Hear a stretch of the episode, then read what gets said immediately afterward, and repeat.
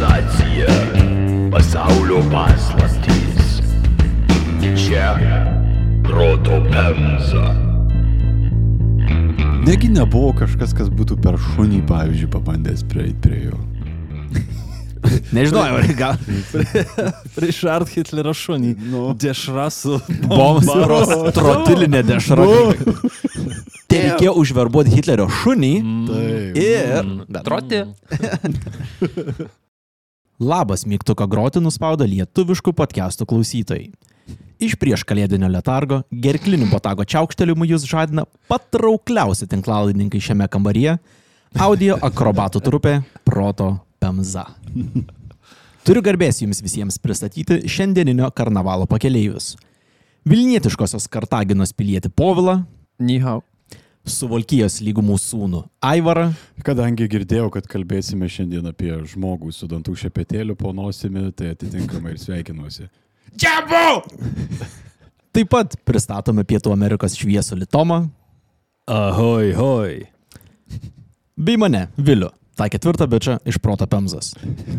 Ei, mes visi tas ketvirtas bičias. Šanel numeris O keturi. jau kas prabilo jau.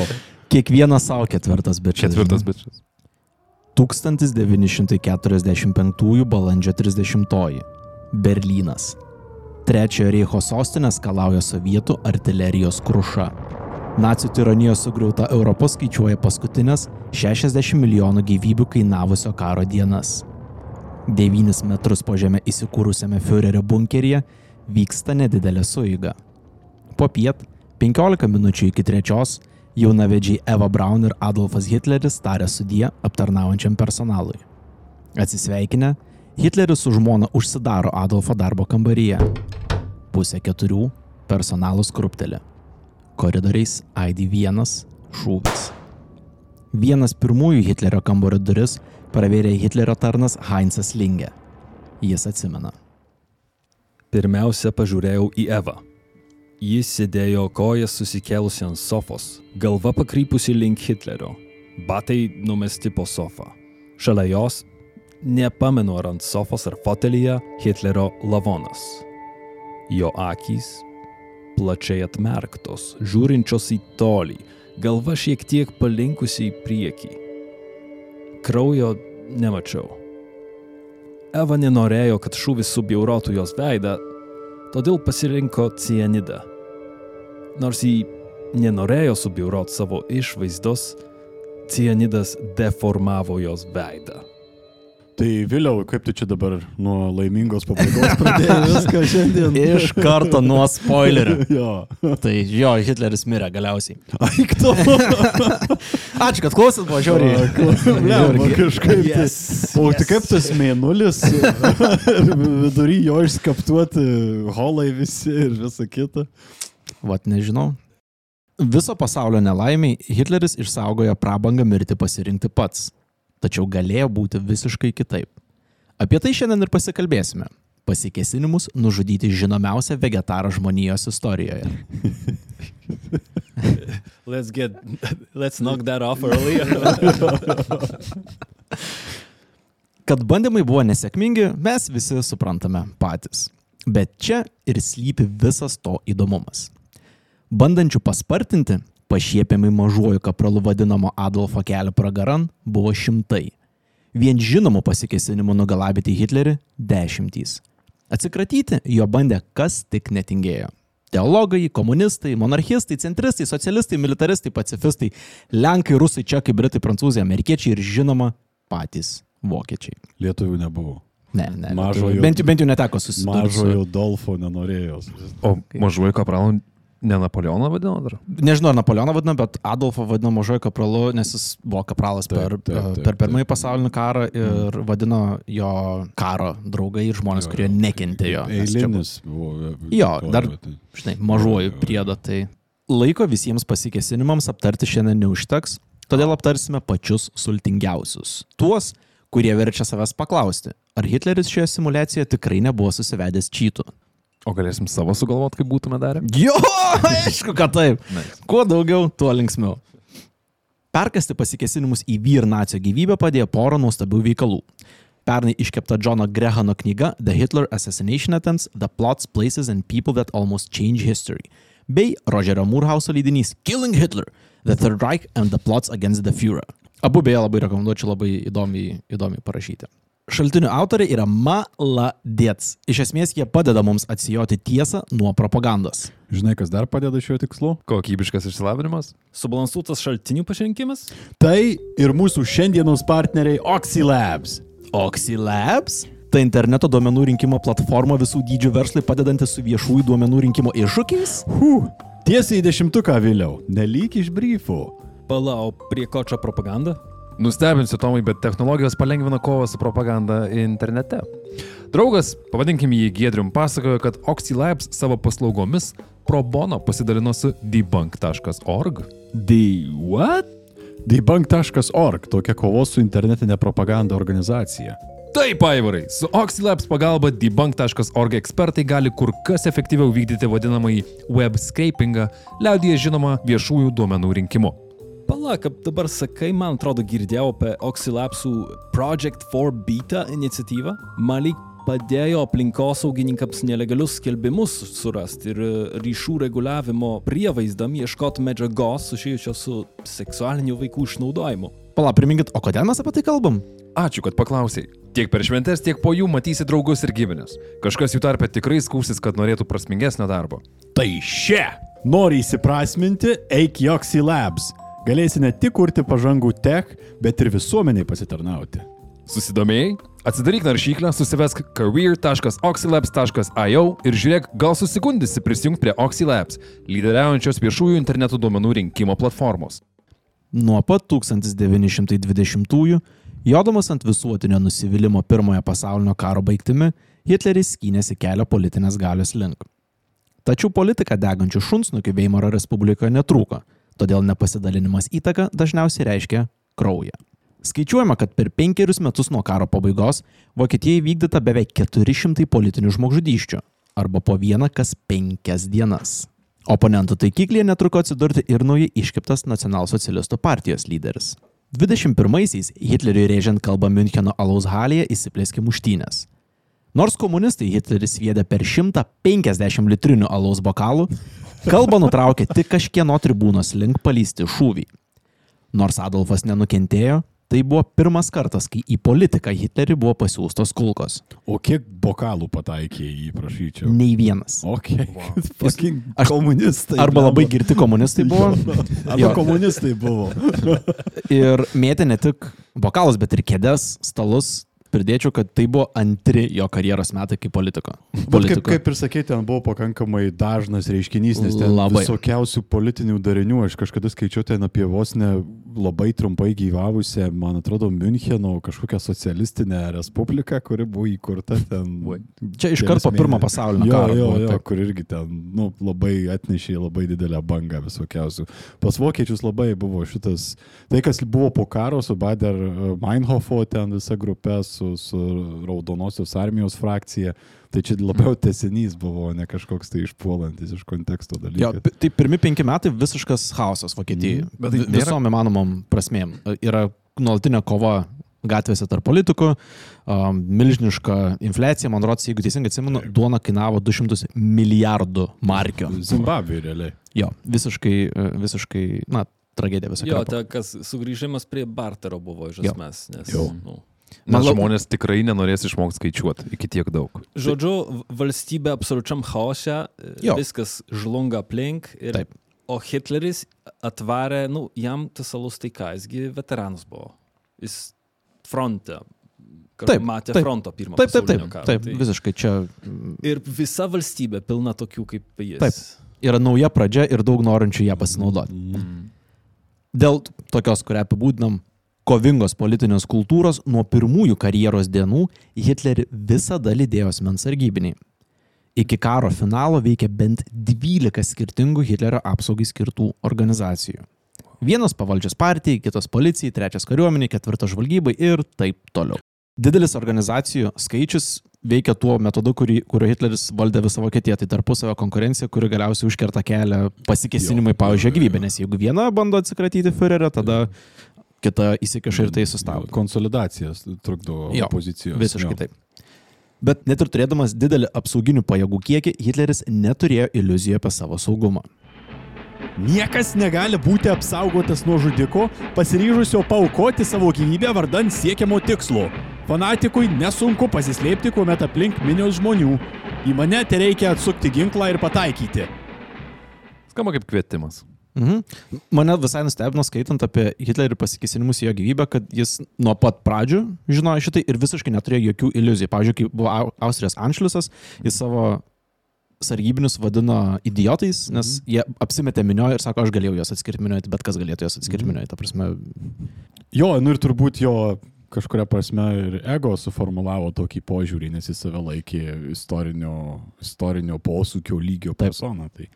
Daugiau konteksto apie Versalio taiką, Veimaro Respubliką, Hitlerio kelią į valdžią bei pirmuosius bandymus giltinį papasuoti Hitlerio galvą išgirsi 64-ame idėjų komposto epizode, kuris pasirodys Contribui platformoje.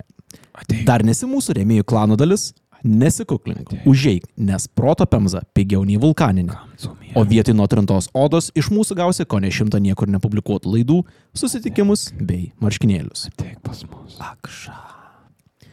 Nors prisižiūrėję filmų apie nacius esame linkę Adolfą įsivaizduoti kaip jo paties karikatūrą, tai yra pedantišką psichopatą rankos mostų valdančių milijonus, realybėje jis buvo ir suknistas bohemščikas. Tapytojas? Pastovaus darbo savo gyvenime nematęs mažasis kapralas, mėgo vėlai keltis, nuolatos vėlodavo ir paskutinę minutę keisdavo planus. Pavyzdžiui, 32-aisiais Hitleris iš esmės pratingėjo susitikimą su Britų vyriausybės atstovu. Nelyg iš namų dirbantis ofiso žmogeliukas, 10 ryto Hitleris dar buvo nesiskutęs, dėvintis halatą, o asistento paragintas paskubėti iš vis atsisakė eiti iš namų. Tiesa, tas ant ledo paliktas diplomatas, toks Vinsonas Čerčilis, už šį polgį Hitleriui dar atkeršys. Bet tai toks biški iš to, ką čia dabar pasakyti, toks, nu, apsileidęs šiek tiek. Visiškai. Jis, mane kas labiausiai ir šokiruoja skaitant apie Hitlerį yra ta, to tikslumo, kurį mes matom filmuose arba medijai nebuvimas, bet nepaisant to, kad skatino tokį ypatingai taisyklėmis grįstą gyvenimą, pats nebuvo toks. Adolfo nepastovumas išėjo jam į naudą.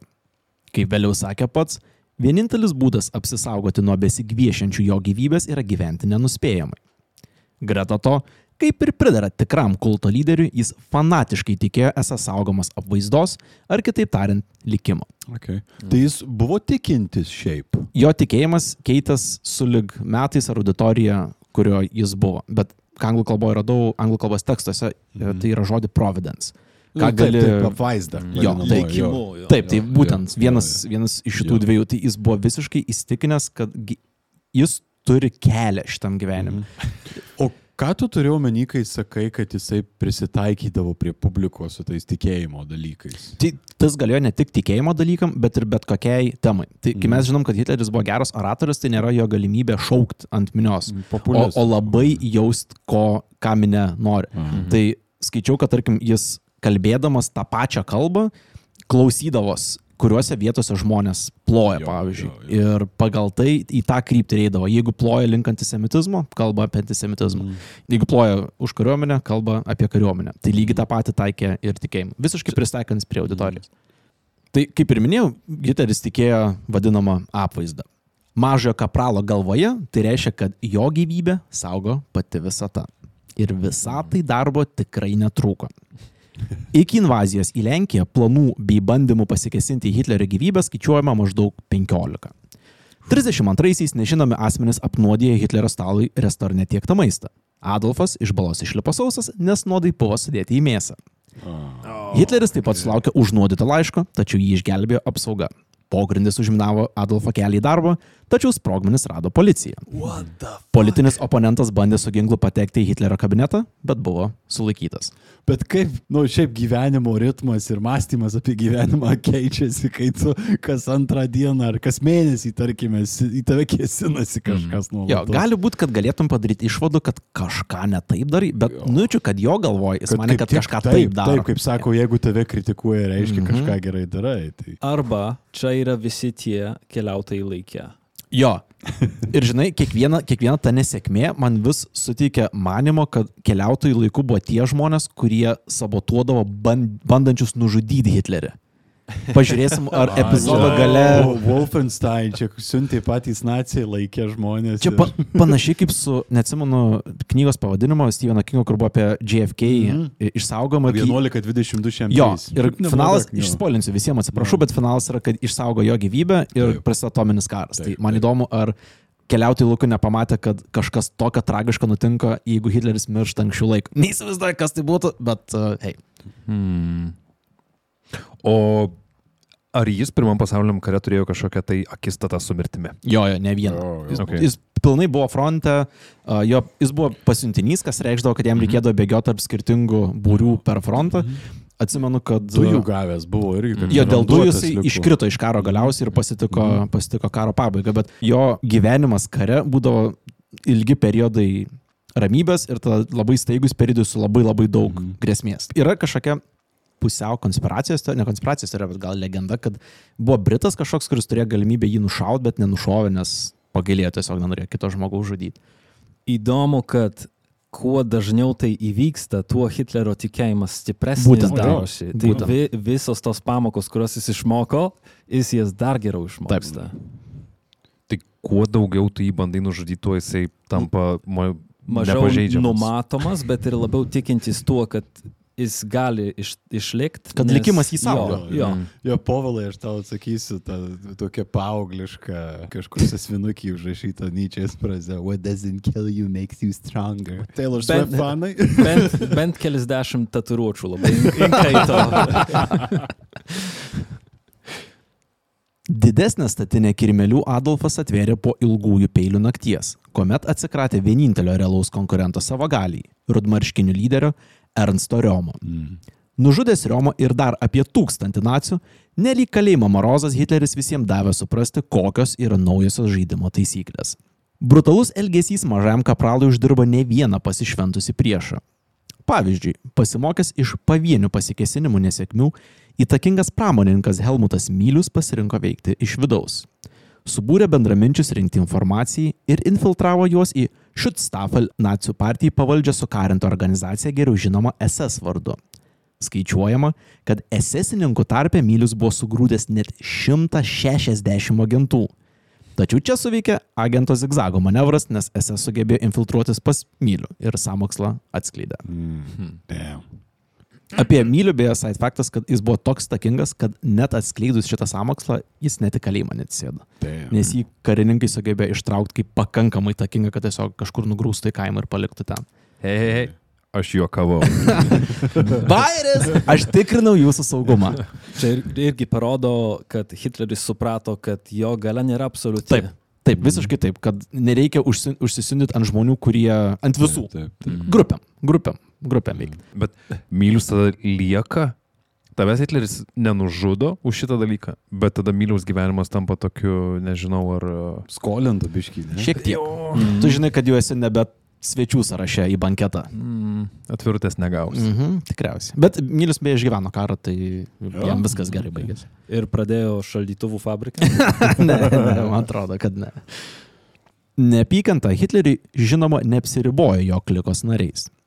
39-aisiais karo nuojauta tvirojo ore, todėl 35 metų stalius Georgas Elzeris nusprendė, kad vienintelis būdas išvengti katastrofos - atsikratyti Hitlerio ir visos jos vitos. Ar jis pasiėmė plaktuką ir išėjo naktį? Panašiai iš tikrųjų. Kadėjom. Nors pagauti Hitlerį buvo sudėtinga, Elzeris žinojo, kur jį rasti. Lydimas partijos šulų, Adolfas kasmet rėždavo kalbą 3000 žmonių talpinančioje Bürgerbrau Keller alaus halėje Münchene. Kas su tom, al, kodėl alaus salės? Aš po... Nes ten rinkdavosi daugiausiai, nu, nu, galinčių kažkaip tai balsavimus, rinkimus paveikti žmonių, darbininkai. Bet ten ir... Jo, ir jas milžiniškas. grupės, jo. 3000 žmonių tu gauni maisto ir Taip, ką alaus. taip, Okei, aš taip, nebuvau- Visur nesu buvęs. Sauerkrauto atsiduoda. Jo, jo, tai čia tokia milžiniška, nu įsivaizduok, pavyzdžiui, dabar yra mūsų, tarkim, turgus, ne, halė, Mhm. tai panašus pasas, didelis labai, tik vietoj prekysalio yra vieni lygi stalai ir padavalkas nešioja alų ir maistą. Jo. Ir jeigu- tada užlipa kažkas ant podimo ir pradeda kalbą. Bet jeigu žmonėm nepatiks, taigi jau prasileidai bokalų. Taip, taip. Tai prasileis dar daugiau, žinai. Bet... Įdomu, kad rizikuoti. Čia vėlgi pasakysiu, kodėl jis tą, e, į tą halę kiekvienais metais važiuodavo. Būtent toj Bürger Braukeller 23-aisiais Hitleris nesėkmingai bandė perimti Bavarijos kontrolę. Todėl naciams įsigalėjus valdžioje pati ta halė įgavo tokią kvazireliginę reikšmę. Tas Wow. alaus Jo. pučas. Taip, taip, taip. Apie jo, laus jo. pučią šiek tiek kalbėsim idėjų kompostė, beje, tai Oh, nice. išgirsi šiek tiek daugiau. Taikinys ir lokacija aiškus, laikas apsižvalgyti. Aplankęs Halę 39-ųjų pavasarį, maždaug tuo metu, kai Hitleris vaikštinėjo Klaipėdoje, Elzeris pasirinko ir ginklą. Už pranešėjo pakilos esančios sijos jis padės bombą. Damn. Net į sprogmens galios nepakaktų kalbėtojai paversti faršu, nunešus siją ant podimo ir priekinių eilių užvirs antro aukšto balkonas. Boom, headshot. Pasiruošti Elzeris turėjo 8 mėnesius ir laiko jis tikrai nešvaistė. Apsimetęs turistu, pasidarė halės išorės ir vidaus nuotraukų, įdant žinotų, kokio dydžio bei galingumo sprogmens jam reikės. Kad gautų reikiamų medžiagų, susirado darbą ginklų gamykloje ir iš ten pasiskolino parako ir sprogdiklių. Vėliau įsidarbino karjerę, kur vėl pasiskolino ir sprogmenų. O aš praklausiau, ar jis veikia vienas? Jis veikia vienas, taip. Mm. Reiškia, kad paslaptis negali išsmukt kažkur. Taip, jis jis- iš išorės nesužinos. Taip, ir tai buvo sąmoningas sprendimas veikti vienam, būtent siekiant išvengti žmonių, kurie galėtų išduoti. Nes kalba eina apie 39 metus, tai tuoj prasidės antras pasaulinis karas, jau užimta Austrija, Hitleris savo galios tikrai yra aukštoj vietoje. Jis perkando bohemščiko strategiją visada būti atsitiktiniu ir žino, Taip. kad čia tada bus. Būtent, būtent. Rado tą momentą, kur visada rasi Hitlerį. Elzeris nieko nenutokė apie ginklus, todėl visą vasarą paskyrė tinkamo galingumo bombos kūrybai. Kruopštus amatininkas dirbdavo vakarais ir savaitgaliais, o testus atlikdavo atokiuose laukuose. Rūpiučio gale, prieš pat Hitlerio invaziją į Lenkiją, Elzeris susirinko sprokstamą į Lego ir išsikraustė į Müncheną. Bavarijos sostinėje kiekvienos dienos 9 val. vakaro Elzeris ėjo į halę neva vakarieniauti. Artėjant halės darbo laiko galui, jis įsliūkindavo į sandėliuką ir laukdavo, kol ten nelikdavo nei vieno žmogaus. Likęs vienas, Elzeris įsipatogindavo už laikančiosios sijos ir gramdydavo ją laikantį cemento pamatą. Ir niekada nebuvo pagautas. Ne. Damn. Visa tai truko 30 naktų, kol jis galiausiai išrausė ertmę, kurioje bus padėta bomba. 30 naktų ir niekas net. ne- Ta prasme, yra neįtikėtina determinacija padaryti dar užduotį. Aš tikiuosi, jam pasiseks. Sužinosite, ar kitą. Sprogmenį Elzeris įstatė lapkričio antrą dieną, likus šešioms dienoms iki Hitlerio apsilankimo Münchene. Anksti ruošė. Šešiom dienom iki.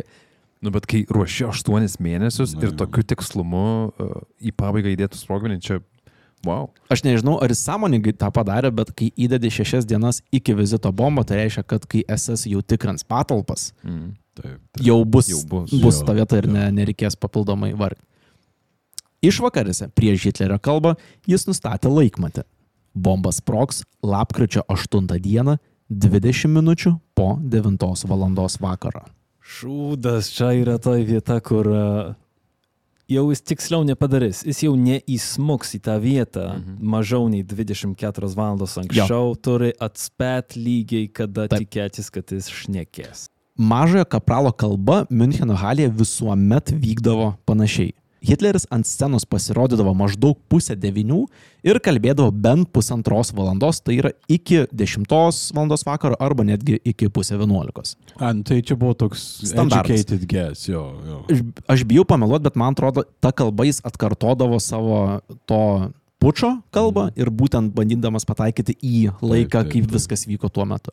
Pirmosiose eilėse Adolfo klausydavo visa partijos grėtinėlė, įskaitant Gebelsą, Heidrichą, Hesse, Himmlerį ir visus kitus top top nacijų. Geringas per tris kėdės atsisėdė. Tik- Tikriausiai. Į dubusias grindis, nuėjo. Specialiai jau popkornų prisirašęs laukia Tiesiog Bratvorstų. Jo. Dėžė užsisakė. stalą prieš save. tokį. Internete galit beje rasti nuotrauką iš būtent tos kalbos ir kaip, kaip atrodė. Kiek stipriai buvo pekt, kai Hitleris kalbėjo. Ai, grinai to, to vakaro? Grinai to vakaro O, realiai yra už 3 metrų nuo Hitlerio bomba ir jis niekas to, to nežino tuo metu. Geras. Tiesa, Elzeris nežinojo, kad 39-aisiais dėl oro sąlygų Hitleris buvo atšaukęs vizitą ir tik paskutinę sekundę persigavo vykti į Müncheną. Prancūzijos puolimą planuojantis Hitleris nerimavo, kad dėl prasto oro tą patį vakarą negalės parskristi į Berliną. Tačiau rado išėti - kelionę traukiniu. Kad spėtų į traukinį, Hitlerio kalbos laikas buvo paankstintas pusvalandžiu, todėl ant scenos Adolfas pasirodė lygiai 8 valandą. Oh, ne. Bet ne problema, dažniausiai kalbėdavo pusantros valandos dvi, daugiau nei pakankamai laiko spėti į Elzerio mirties ekspresą 20 minučių po Nu, vis 9. tiek cutting it close, jeigu... tai- Jo, bet vis dar esi diapazone, Jo, kurį pataikė. Tačiau tą vakarą Führeris nusprendė būti kuklesnis. Prakalbėjęs maždaug 70 minučių, 7 minutės po 9 Hitleris kartu su visa savo palyda patraukė į traukinių stotį. Vos po 13 minučių, lygiai pagal Elzerio planą, Halę supurtė milžiniškas sprogimas. Bomba buvo tokia galinga, kad įlūžo ne tik balkonas, bet ir dalis stogo. Trys žmonės mirė vietoje, dar penki ligoninėje. 62 buvo rimtai sužeisti. 13 minučių į teisingą pusę ir visa nacijų partijos gretinėlė būtų iškeliavusi į pragarą, dar nespėjus atvesti vokiečių subombarduotai Varšuvai. Elzeriui reikėjo ateiti, čia aišku, aš pamokysiu. Reikėjo- Aš geriau būčiau. Žiūrėk, dabar. Look. Here's the deal. Elzeriui reikėjo ateiti į galą ir tiesiog rėkt, kad pakartotų. Jo, jo, gal būtų, gal pakarto. Vokiškai. O Hitleris nueina nuo scenos. Grįžta. Laukia dvi minutės grįžti. Šoto, šoto, nealkoholinis. Kurį laiką dar pragroja kokią nors muziką paleisti. Jo, jo. Vokietijos himną, žinau. Jo, aišku. Pats Elzeris buvo pagautas bandydamas pabėgti į Šveicariją. Įtikėjęs, kad sprogdinimus suorganizavo Britai, Hitleris įsakė išgauti Elzerio bendrininkų pavardas, o tai reiškia žalę šviesą įmantriausiams SS kankinimams. Jis bandė pabėgti į Šveicariją. Taip, į, žodžiu, jį sustabdė prie sienos ir paklausė, ką jis čia veikia ir jis pasakė, laukiu draugo. Jos ne, nebuvo labai pasiruošęs šitam. Tai jis tiesiog pasielgė kaip paauglys, kur prie kurio prieina policija. Taip, visiškai taip. Ir pasirado na, visus inkriminuojančius. Damn. Kieno čia pasas? Ne mano, draugo. Jo. Tai jis buvo nuostabus planuotojas. Bet nesuplanavo pabėgimą. Jo. Jo, visiš, visiškai, visiškai, visiškai nesuplanavo uh, exitą. Įtariu, kad jam tai buvo pirmas kartas. Tai... Gali būti. Jo. Ir taip neblogai pasisekė. Kai jį sulaikė SS, jį kankino. Mušimas ar nagų ravimas SS meniu buvo įprasta, todėl Elzeris gavo paragauti išskirtinių kasnelių. Pavyzdžiui, kelias dienas jis buvo maitinamas vien sūdytą silkę, Mm. tada uždaromas į įkaitintą patalpą ir valandų valandas laikomas ten be jokio vandens. Tai Sovietai vėliau šitą techniką labai gulagė taikyti. Pridėk vandenį ir neprastas vasaros savaitgalis, bet Mhm. atimk vandenį ir Taip. viskas pasibaigė daug, daug. Pietum sausainiai. Mm. Tačiau prisipažinti, ko jis neturėjo, nes iš tikrųjų veikia vienas. Mm. Blema, bet per 13 minučių ar tu spėjai nuvykti toli nuo tos vietos? Hitleris apie pasikesinimą sužinojo, kai jau važiavo traukinį. Nes mobiliųjų telefonų. ar- Ta prasme, jis jau buvo Mhm. traukinį, kai sprogo bomba, nes nežinau, ar tas stotis tikriausiai buvo. Ir sužinojo, kai jau uh, buvo pajudėjęs. Bet tas Bet- jausmas, kai bet- išgirsti sprogimą, kuris tau buvo skirtas. Bet jį kažkas nuo Elzerį identifikavo tenais pačiam. Jis nebuvo Pačioj halėje. sa- ai. Jisai parą prieš nuspaudė Taip, taip. E, sprogdiklį ir iškeliavo Vilniop. Tai jį realiai pagavo tik tai ties tą Šveicarijos sieną. Taip, ir jį pagavo jis- tik dėl to, kad jis Neturėjo- keistai elgės pasienį. Ir ir tuo metu, kai jis ėjo, buvo ką tik po sprogimo ir tiesiog suaštrino apsaugą visoje Bavarijoje. Taip, tai reiškia, jis, jie realiai gavo prisipažinimą nuo, iš jo, tik tai, kad jisai vienas veikė, tik tai kankinimo metu nebuvo kažkoks tai tip off iš kažkur kitur, kad va šitas bičias atsakingas. Ne, ne, Tai realiai ištardė, to ištardymo Taip. rezultatas. Taip, taip. Okay. Galiausiai Elzeris buvo išsiųstas į Dachau koncentracijos stovyklą, kur kalėjo iki 45 balandžio 9 dienos, kuomet buvo sušaudytas.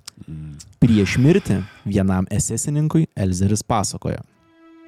Turėjau tai padaryti, nes visą gyvenimą maniau, kad Hitleris reikš Vokietijos pabaigą. Bet kaip matai, mane pagavo ir už savo norus aš sumokėsiu. Geriau jau jie būtų mane nugalabėję iškart. Tai jei kada lankysitės Berlyno Wilhelmstrasėje, pamatysite milžinišką žmogaus veido profilį. Tai yra memorialas Elzeriui. Elzerio gyvenimas yra tiesiog vos neteisingas taimingas. Mėnesių dar išlaikęs. Būt Sulaukęs karo pabaigos bent. Tai Georgas beveik Elzeris. Beveik pataiko. 13 minučių. Jo- jo- filmo minučių. pavadinimas. Mhm. Filmo pavadinimas Jo. 13 minučių. Nice. O Netflixas dar klauso mūsų?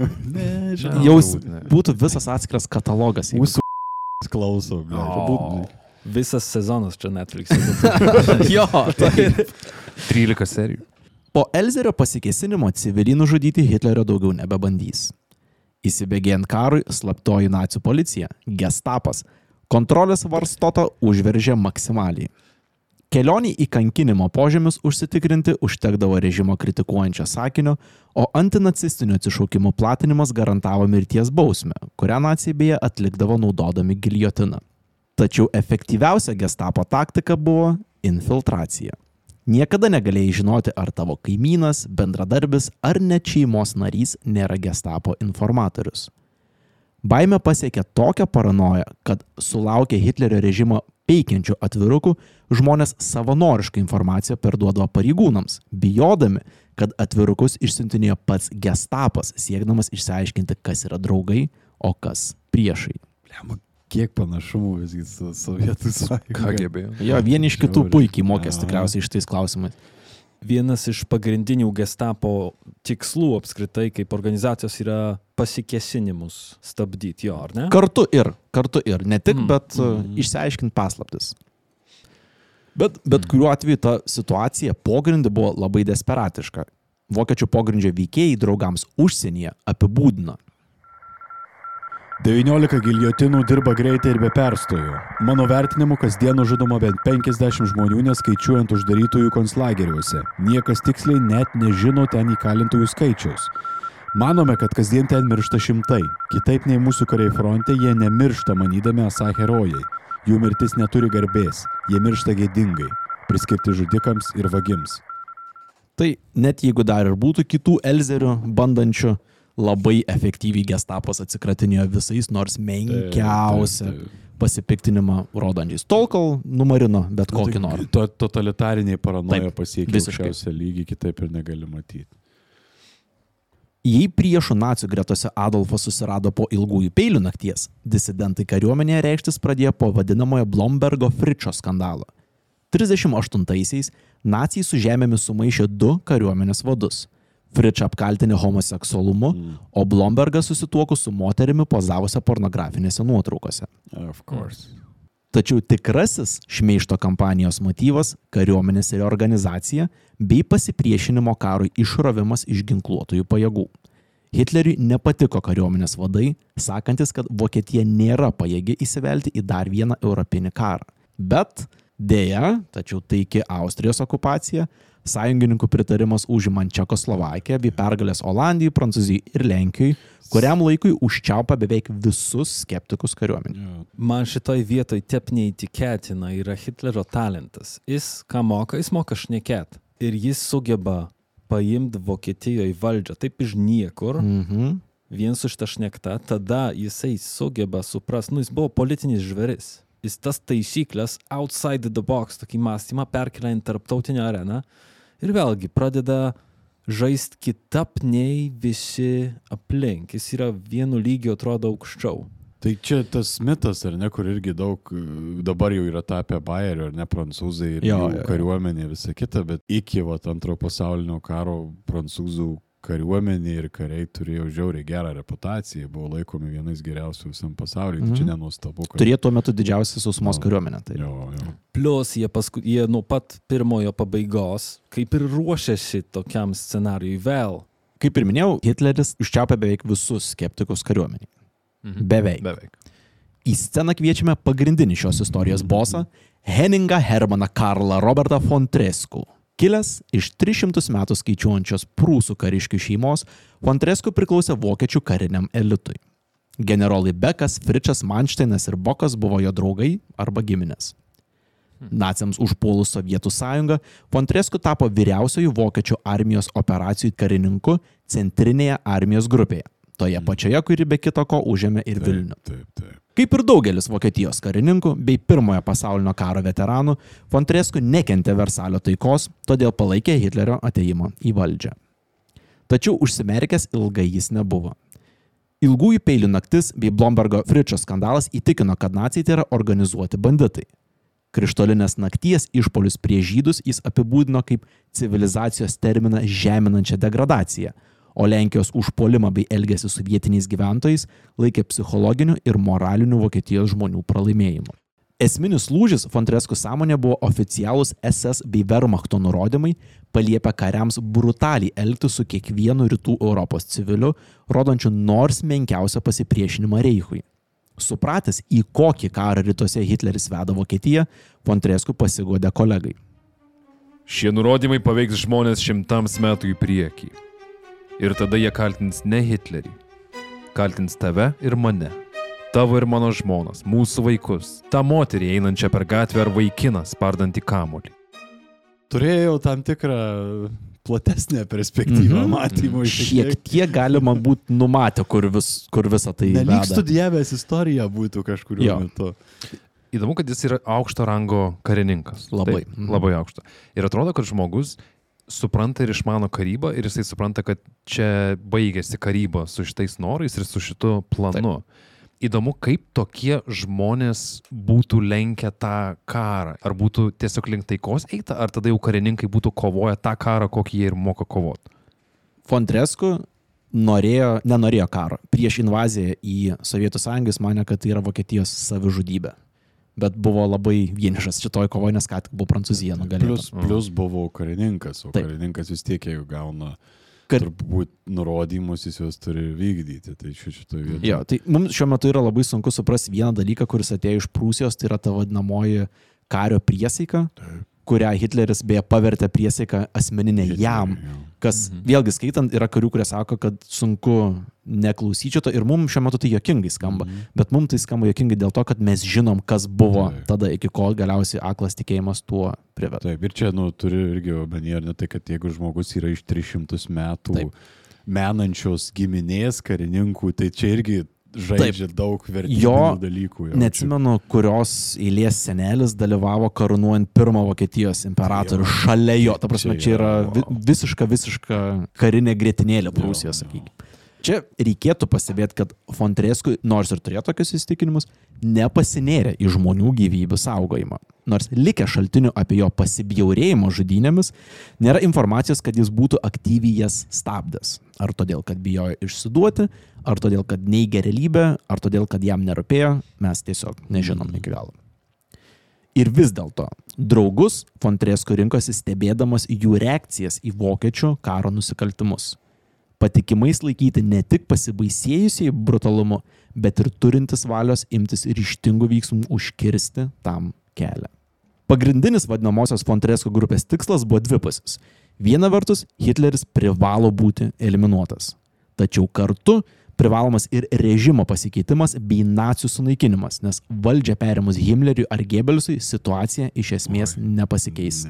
Aš gal pridėčiau, kad tripusis, nes manau, kad karininkai, kurie, kaip ir sakyk, šlikštėjosi Versalio uh, sutartim, Mhm. manau, kad jie norėjo išlaikyti irgi dar Vokietijos veidą, o ne antrą kartą gauti tokį pažeminimą pasiduodant vėl. Labai teisingai, Paulai, sakai, nes įsivaizduoju, kad dalis žmonių, kurie palaikė Hitlerį dėl Versalio taikos, būtų sustoję po Austrijos Anšliuso. Mm. Toj vietoje jie jau buvo atsiemę praktiškai viską, taip, ką taip. galėtų. Bet jiems sunku stabdyti, nes nėra argumento, nes kiek, kiekvieną žingsnį, kiekvieną naują ribą prieėjus, nėra argumento sakyti ne, nes viskas sekasi. Ir niekas ne, neuždraudė. Buvo stabdis galimas ties Čekoslovakija, bet uh, žinom, kaip tai galiausiai. Ko, kodėl užkariaujat? O kodėl O kad ne? būtent, Jo, jo, jo. būtent. Kai tau kiti atidaro vos neduris, Jo. tai kodėl neužėjus tada, nu? Čia dar tik apie Fontresku pridėčiau, kad Wehrmachtas baiminosi ir esesininkų. Nacijai kontroliavo 800 tūkstančių gerai ginkluotų esesininkų, todėl prastai suplanuotas perversmas praktiškai garantavo pilietinį karą tarp rytuose, toli toli esančio Wehrmachto ir daugiausia Vokietijos teritorijoje veikiančio SS. Bet čia dabar irgi, nu, viskas žinoma ir panašiai, bet kai tu pagalvoji, 800 tūkstančių. Taip, čia yra Vienos labai Taip, organizacijos. ginkluota.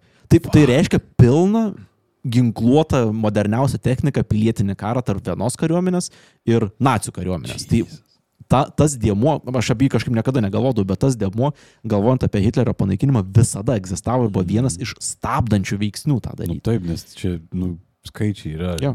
beprotiški tiesiog. Reali proga veikti Fontresko atsirado po katastrofiško Stalingrado mūšio. Pralaimėjimas sumažino Hitlerio populiarumą, o nelogiški kariniai mažojo kapralo sprendimai uždirbo Fontresko nebylų aukštą rango kariškių pritarimą pašalinti Hitlerį. Fontreskų šalininkas majoras von Hardenbergeris apibūdino karių nuotaikas. Jau pirmieji susitikimai su feldmaršalais ir generolais pulkininkais parodė, kad nei vienas jų nestos prieš mus. Praktiškai visi galvojo apie tai, sutiko, kad to reikia ir buvo pasiryžę nuversti Hitlerį. Bet tik jei kas nors kitas prisims atsakomybę. To, tokio nebuvo face of the whole Ne, operation. ne, būtent niekas nenorėjo būti tuo, kas nužudė valstybės lyderį ir ginkluotojų pajėgų vadą be kitako.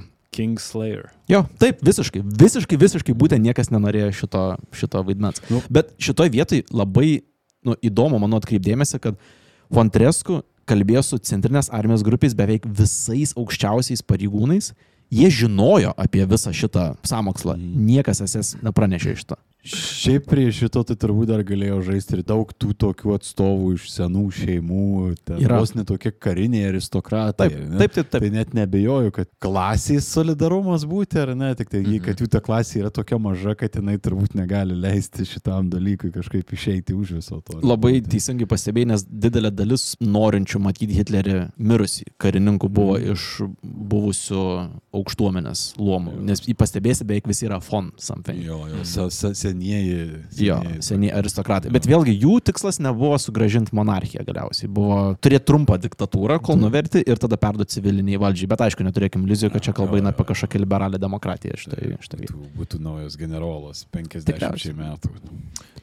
Ir dar šitas usūrinis veikėjas mūsų toks priešingas yra kariniam, kariniai personai mm. su Mhm. savo sistemos nebuvimu, su savo uh, tokiu He's not one of us. Jo, jis, Why is he jis leading? turėjo būti toks ar ne, kažkoks tai apšepęs, apsileidęs, sanava, bet čia atėjo dabar Mhm. visus čia valdomus. Ir jeigu nebūtų davęs jiem Prancūzijos, jis būtų daug trumpiau gyvenęs. Bet davė Prancūziją, ko jie patys nesugebėjo padaryti prieš kažkiek laiko. Tai. Konjakas. Yeah. Suplanavus režimo perėmimo detalės Berlyne, samokslininkams reikėjo rasti, kaip vienu smūgiu atsikratyti Hitlerio. Buvo svarstama siūsti snaiperius, tačiau Adolfas jau retai bei išlyzdavo iš gerai apsaugotos vilos Berghofe ar vos už 150 km nuo Punsko esančio Vilko guolio. Mhm. Kitas variantas buvo vienam samokslininkui pačiam nušauti Hitlerį. Tačiau A. Toks metodas atskleidžia samokslą ir patekti greta Hitlerio su ginklu buvo iš esmės neįmanoma, nes tokį leidimą galėjo duoti tik jis pats. Buvo siūloma į Vilko guolį pasiūsti brigadą vokiečių karių, kurie tiesiog jėga perimtų vietos kontrolę. Tačiau pasiūlymas gavo veto, nenorint matyti vokiečių šaudant į vokiečius. Geniali mintis, tinkanti kiekvieno skoniui, gimė Fontresko galvoje. Buvo žinoma, kad planuojamas Adolfo vizitas į rytų frontą, o tais retais atvejais, kai jis ten lankydavosi, keliaudavo lėktuvu. Tad o kas, klausė Fontresku, jei Adolfo lėktuvas sproktų kur nors virš priešo zonos. Išpolė šleifas pirmiausia kristų ant raudonosios armijos, sovietų partizanų ar bet ko kito, bet ne Wehrmachto. O kol prasisklaidytų samšio migla, samokslininkai jau būtų perėmę valdžios institucijas Berlyne. Puiku, niekas nežino, kas dėl ko jis mirė, tiesiog jo nebėra, Taip. gali veikti iš karto ir perimti valdžią. Kaip pirmai sakai, kad niekas nenorėtų prisijimti atsakomybės, tai čia jau būtų galima pasakyti, kad niekas to nepadarė. Tai atsitiko. Jo, bet jau nebeturim Hitlerio, reikia kažką daryti. Jo, bet aš apie nužudimą. Taip, Taip, taip, taip. Kad tiesiog tai atsitiko. Tai šį kartą bomba 13 minučių anksčiau. Čia uh, side faktas, aš visiškai nekalbu apie patį perversmo Berlyne, planas ten yra vertas tikriausiai atskiro sezono epizodų, bet uh, įdomus, įdomi detalė, kurią noriu paminėti, yra, kad tas Perversmas įgavo Valkyrijos pavadinimą ir figūruos vėliau Klauso von Stauffenbergo pasikesinime į Hitlerį. Ir įdomybė tokia, kad samokslą vadinti Valkyriją pasirinkta todėl, kad nacijų vadovybė turėjo tikrą to paties pavadinimo planą, kuriuo reikėtų remtis, jei reikia prasidėtų sukilimas. Todėl samokslininkai gan ramiai galėjo derinti visas perversmo detalės, prisidengdami teisėto plano analizę. Tuo tarpu Hitlerio pasikesinimui duotas operacijos kibirkštis pavadinimas. Apsprendę semantinės peripetijas, Fontreskų žmonės kibo į darbus. Lėktuvo bombos užtusį buvo pasirinkta britiška Clam mina, maždaug butelio dydžio sprogmuo. Bomba su laikmačiu buvo prifarširuota dinamito ir trotilo tiek, kad nesunkiai pramuštų 2 cm storio plieno plokštę ir tikrai skradžiai žemę nuneštų gan gerai šarvuotą Führerio lėktuvą. Kad maža nepasirodytų, nuspręsta pakrauti dvi bombas. Dėl viso ko tiesiog. Čia skamba kaip misija agentui Zigzagui, bet dėja. Jo, visai, visai idėja. Ei, jisgi kaip tik ir norėjo nužudyti Hitlerį. Tai visiškai. Galėjo, galėjo tikrai įparkuoti kažkur į šitą. A, britiškas klemas. Nu. Tačiau čia slypi kita problema, kaip tas bombas padėti. Tiek Hitleris, tiek jo lėktuvas yra nuolatos saugomi, todėl net ir aukšto rango karininkams įnešti užtusius būtų buvę neįmanoma. Čia išradingumu vėl sužibėjo Fontresko. Jis sugalvojo bombas užmaskuoti kaip du butelius prancūziško Cointreau likerio ir O. įgrūsti kažkuriam Führerio anturažo narių. Kuantro, klausyk. Ir jo, čia Cointreau pasirinktas ne dėl skonio, o dėl britiškai minai tinkančios butelio formos. Buvo vienintelis lenktas, šiek tiek, o mina lenkta, tai gali įdėti. Ir... Lemtinga diena išaušo 43-ųjų pavasarį. Fontresku pasiekė žinia, kad centrinė armijos grupė Hitleris lankys Smolenske kovo 13 dieną. Pasimuistę, ar nevertėtų Adolfo visgi nudopti vietoje, samokslininkai visgi liko prie susprogdinto lėktuvo idėjos. Teliko rasti, kam perduoti bombą. Šnikštinėdamas Adolfo kelionės detalės, Fontresku sužinojo, kad skrydyje atgal į Vilkoguolį Führerį kompaniją palaikys toks leitenantas Heinzas Brantas. Fontresku pažinojo Branto vadovus, o šiek tiek ir patį Brantą, kuris beje buvo aršus Hitlerio šalininkas. Tiesiog puikus taikinys paversti sprogmenų mulu. Tai planas duoti tuos butelius jam. Realiai. Mm. Kovo 13, susirinkus į vakarienę su Hitleriu, Fontresku įsitaisė Branto pašonėje. Susidūrimo liudininkas aprašė situaciją. Hitleris sėdėjo galvą panarinęs virš savo lėkštės, spėriai gerklien grūzdamas daržovės. Tuo pat metu, visiems girdint, Fontresku pasisuko į Brantą ir klustelėjo, ar šis sutiktų draugui Vilko guolyje perduoti porą butelių likerio. Fontresku net sukurpė visą istoriją. Neva pragrūdo lažybas vienam leitenantui ir nenori likti skolingas, o kad Brantas jau čia, tai labai pagelbėtų nugabenęs Quantro teisėtam savininkui. Melas suveikė. Nieko neįtarantis Brantas sukirto su Fontresku rankomis ir sutiko paimti sprogmenis. O kiek smarkiai yra žinoma, kad Brantas nebūtų tas pečias, kuris paragauja. Vieną savo, kitą Hitleriui. Čia, žinai, karininko garbė, nes jis ima iš aukštesnio rango karininko du Jo, butelius ir veža kitam tokio pat rango kaip Fontresku karininkų tos butelius, tai labai negali atidaryti jų ir pasižiūrėti, kas ten yra. Aš pamatavęs. jo, panašiai. Tutko ar tai tu? Jo, Dabar, dabar jie naudojami tik tai valiutai, ne bomboms. jo. Masiulis, anyone? Per daug skaudu, žinai. Ja, vodkis butelis buvo, ne? Blemonė, ten šiaip iš viso buvo ne butelis, o dėžutė, atsiprašau. Butelis jau pabaigtas buvo seniai. Ir po, įsivaizduoju, po butelio galvoju, o tai gal pinigus į butelį? Pasibaigus vakarieniai Hitleris laiko nešvaistė ir susvita patraukė atgal lėktuvą. Oro uoste Fontresko padėjęs perdavė siuntinį Brantui. Minutė prieš buvo paleistas pusvalandžių uždelstas sprogdiklis. Pagal planą, nacių kraujo fejerverkas turėjo driokstelti Minsko apylinkėse, viso labo apie porą šimtų kilometrų nuo ten, kur mes sėdim dabar. Hitlerio lėktuvai išvykus, Fontreskui Berliną išsiuntė slaptą žinią skelbiančią operacijos kibirkštis pradžią. Samokslininkai Reicho sostinėje pasiruošė duoti įsakymą ginkluotosiams pajėgoms užimti sostinę, vos bus patvirtinta Hitlerio mirtis. Nu, labai tikiuosi, kad jiems pavyks. Tačiau praėjus dviejoms valandoms Smolenską pasiekė šokiruojančią nuobodį žinutę. Lėktuvas sėkmingai nusileido Kenštynę. Išgirdę žinę, samokslininkai stovi tyloje, o kartu su Fontresku žinia išgirdęs pareigūnas pastebi, kad Hitleris tikrai turi serginti šetoną Guardian Devil, kaip buvo angliškose šaltiniuose. Kaip vėliau paaiškėjo, Brantas tariamų butelių į lėktuvo saloną nesinešė ir paliko juos bagažo skyriuje. Sprogimo galios būtų pakakę ir ten. Problema buvo šaltis. Skrydžio metu sugedo skyriaus šildymo sistema, todėl bombų detonatoriai užšalė ir nesukūrė sprogimui ir operacijai reikalingos kibirkšties. Ne. Tai čia tik pacituosiu Povilą. Nu, aš tikiuosi, kad jiems pasisekė. Reikėjo ant termosą įdėti. kažkur šilčiau, jo. Kiek turim patarimų. Tik tai Vėlgi, reiktų- aš būčiau geriau sprogdinęs. Geriau padarė. Mes jau visi po vieną kartą bent jau būtume nužudę jį. Nusivilti nepavykusių sprogdinimų Fontresku neturėjo kada. Aptikę bombas, gestapas atskleistų samokslą, todėl reikėjo kuo greičiau jas atsiimti. Paskambinęs į Vilko guolį, Fontresku pačiu pabrantą dar neperdavosi siuntinio, atsiprašė padavęs ne tuos butelius ir pranešė, kad asistentas Fabianas von Šlabrendorfas atvyks klaidą ištaisyti. Pastarasis atsimena susitikimą su Brantu. Jaučiau, kaip mano venose stingsta kraujas.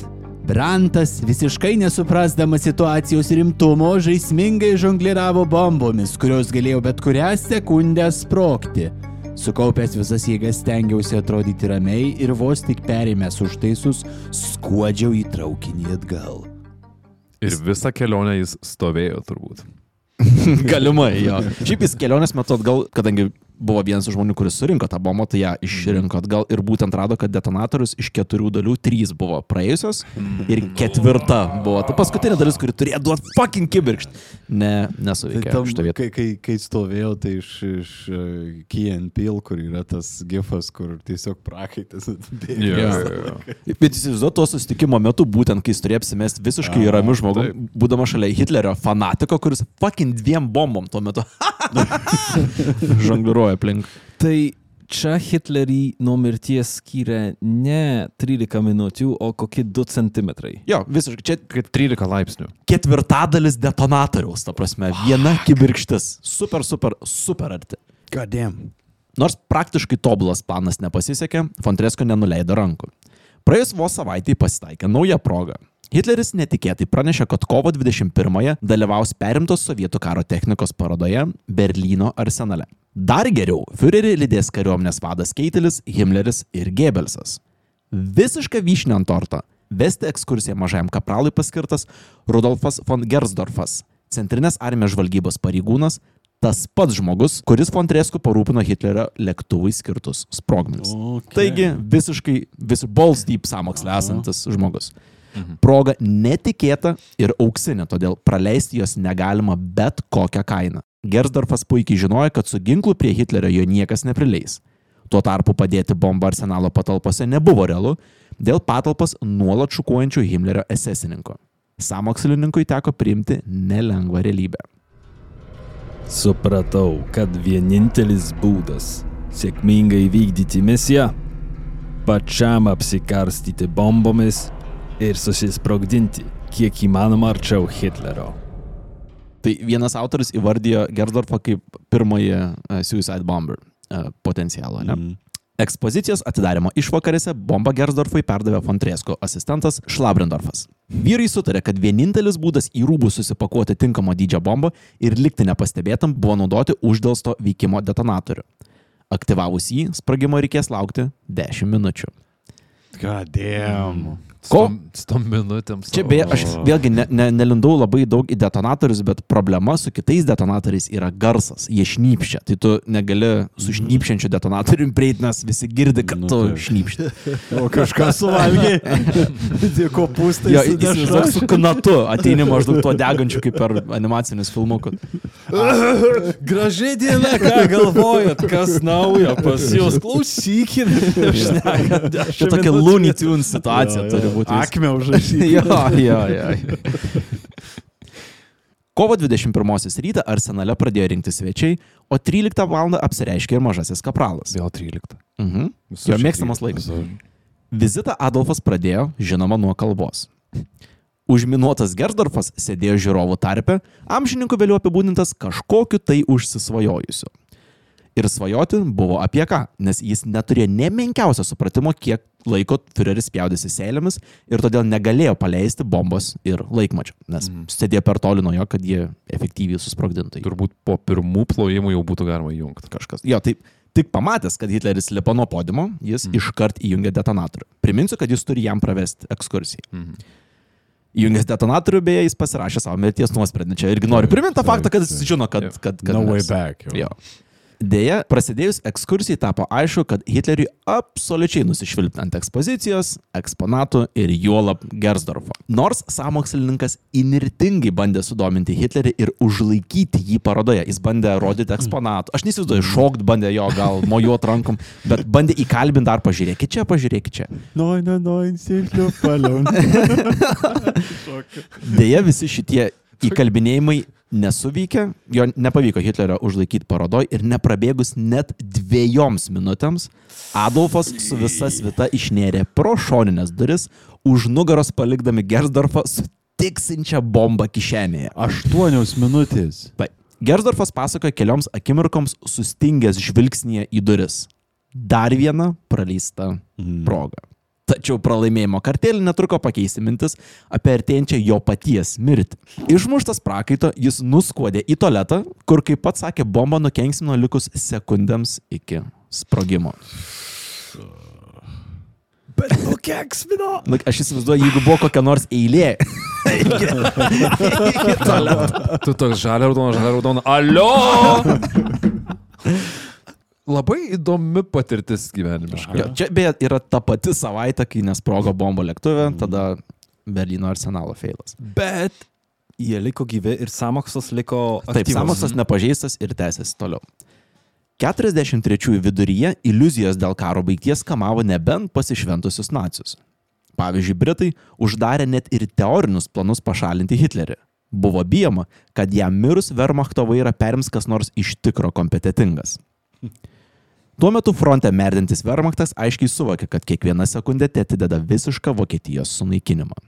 Pasak von Tresku, Mes turime jį nužudyti bet kokią kainą. Praktinis perversmo dėmo net nebėra svarbus. Mes privalome parodyti pasauliui ir istorijai, kad pasipriešinimo vyrai turėjo valios imtis ryštingų sprendimų. Šis tikslas yra aukščiau visko. Plintantis neišvengiamo pralaimėjimo užkratas į Fontreskų samokslo gretas įvedė naują kraują. Nužudyti Hitlerį ryžosi ir pulkininkas Klausas von Stauffenbergas. Nors po 44 Liepos 20-osios pasikesinimo jis bus tituluojamas buvusiu arčiausiai Hitlerio išsiuntimo velniop, tai nebuvo pirmasis jo bandymas. 43-aisiais Stauffenbergo aplinkoje atsiranda majoras Akselis von dem Busche. Karui prasidėjus, Akseliui buvo viso labo 20, todėl vaikinas buvo pareigingas nacionalsocializmo šalininkas. Aukštyn kojam jo pasaulėvaizdis apsivertė 42 spalio 5. Ta diena Akselis savo akimis matė, kaip esesininkai panerių stiliumi Ukrainoje sušaudė maždaug 3000 žydų. Jaunas vyras sakėsi supratęs, kad garbį išlaikyti gali tik dviem būdais - prisijungti prie aukų arba nuversti skerdynės įsakiusių režimą. Proga ištiesėti savo duotą pažadą Akseliui suteiks Stauffenbergas. 43 pabaigoje šis iššniukštinėjo, jog Vilko guolėje rengiamas Wehrmachto žiemos įrangos ir uniformo pristatymas. Pasauliu liepsnojant, mažasis kapralas dalyvaus karinių madų šou. Dekoruotos kariniais apdovanojimais, aukštas ir dailus Akselis buvo tobulas kandidatas dėvėti naująją arijų kariuomenės uniformą. Tačiau pasirodymo metu Hitlerį nustebins ne vyro grožis, o kišenėje paslėptas sprokstamasis užtaisas. Sekdamas Gersdorfo pėdomis, Akselis sutiko susisprogdinti kartu su Hitleriu. Ant podimo Akselis lips su kišenėje paslėptų kilogramų dinamito.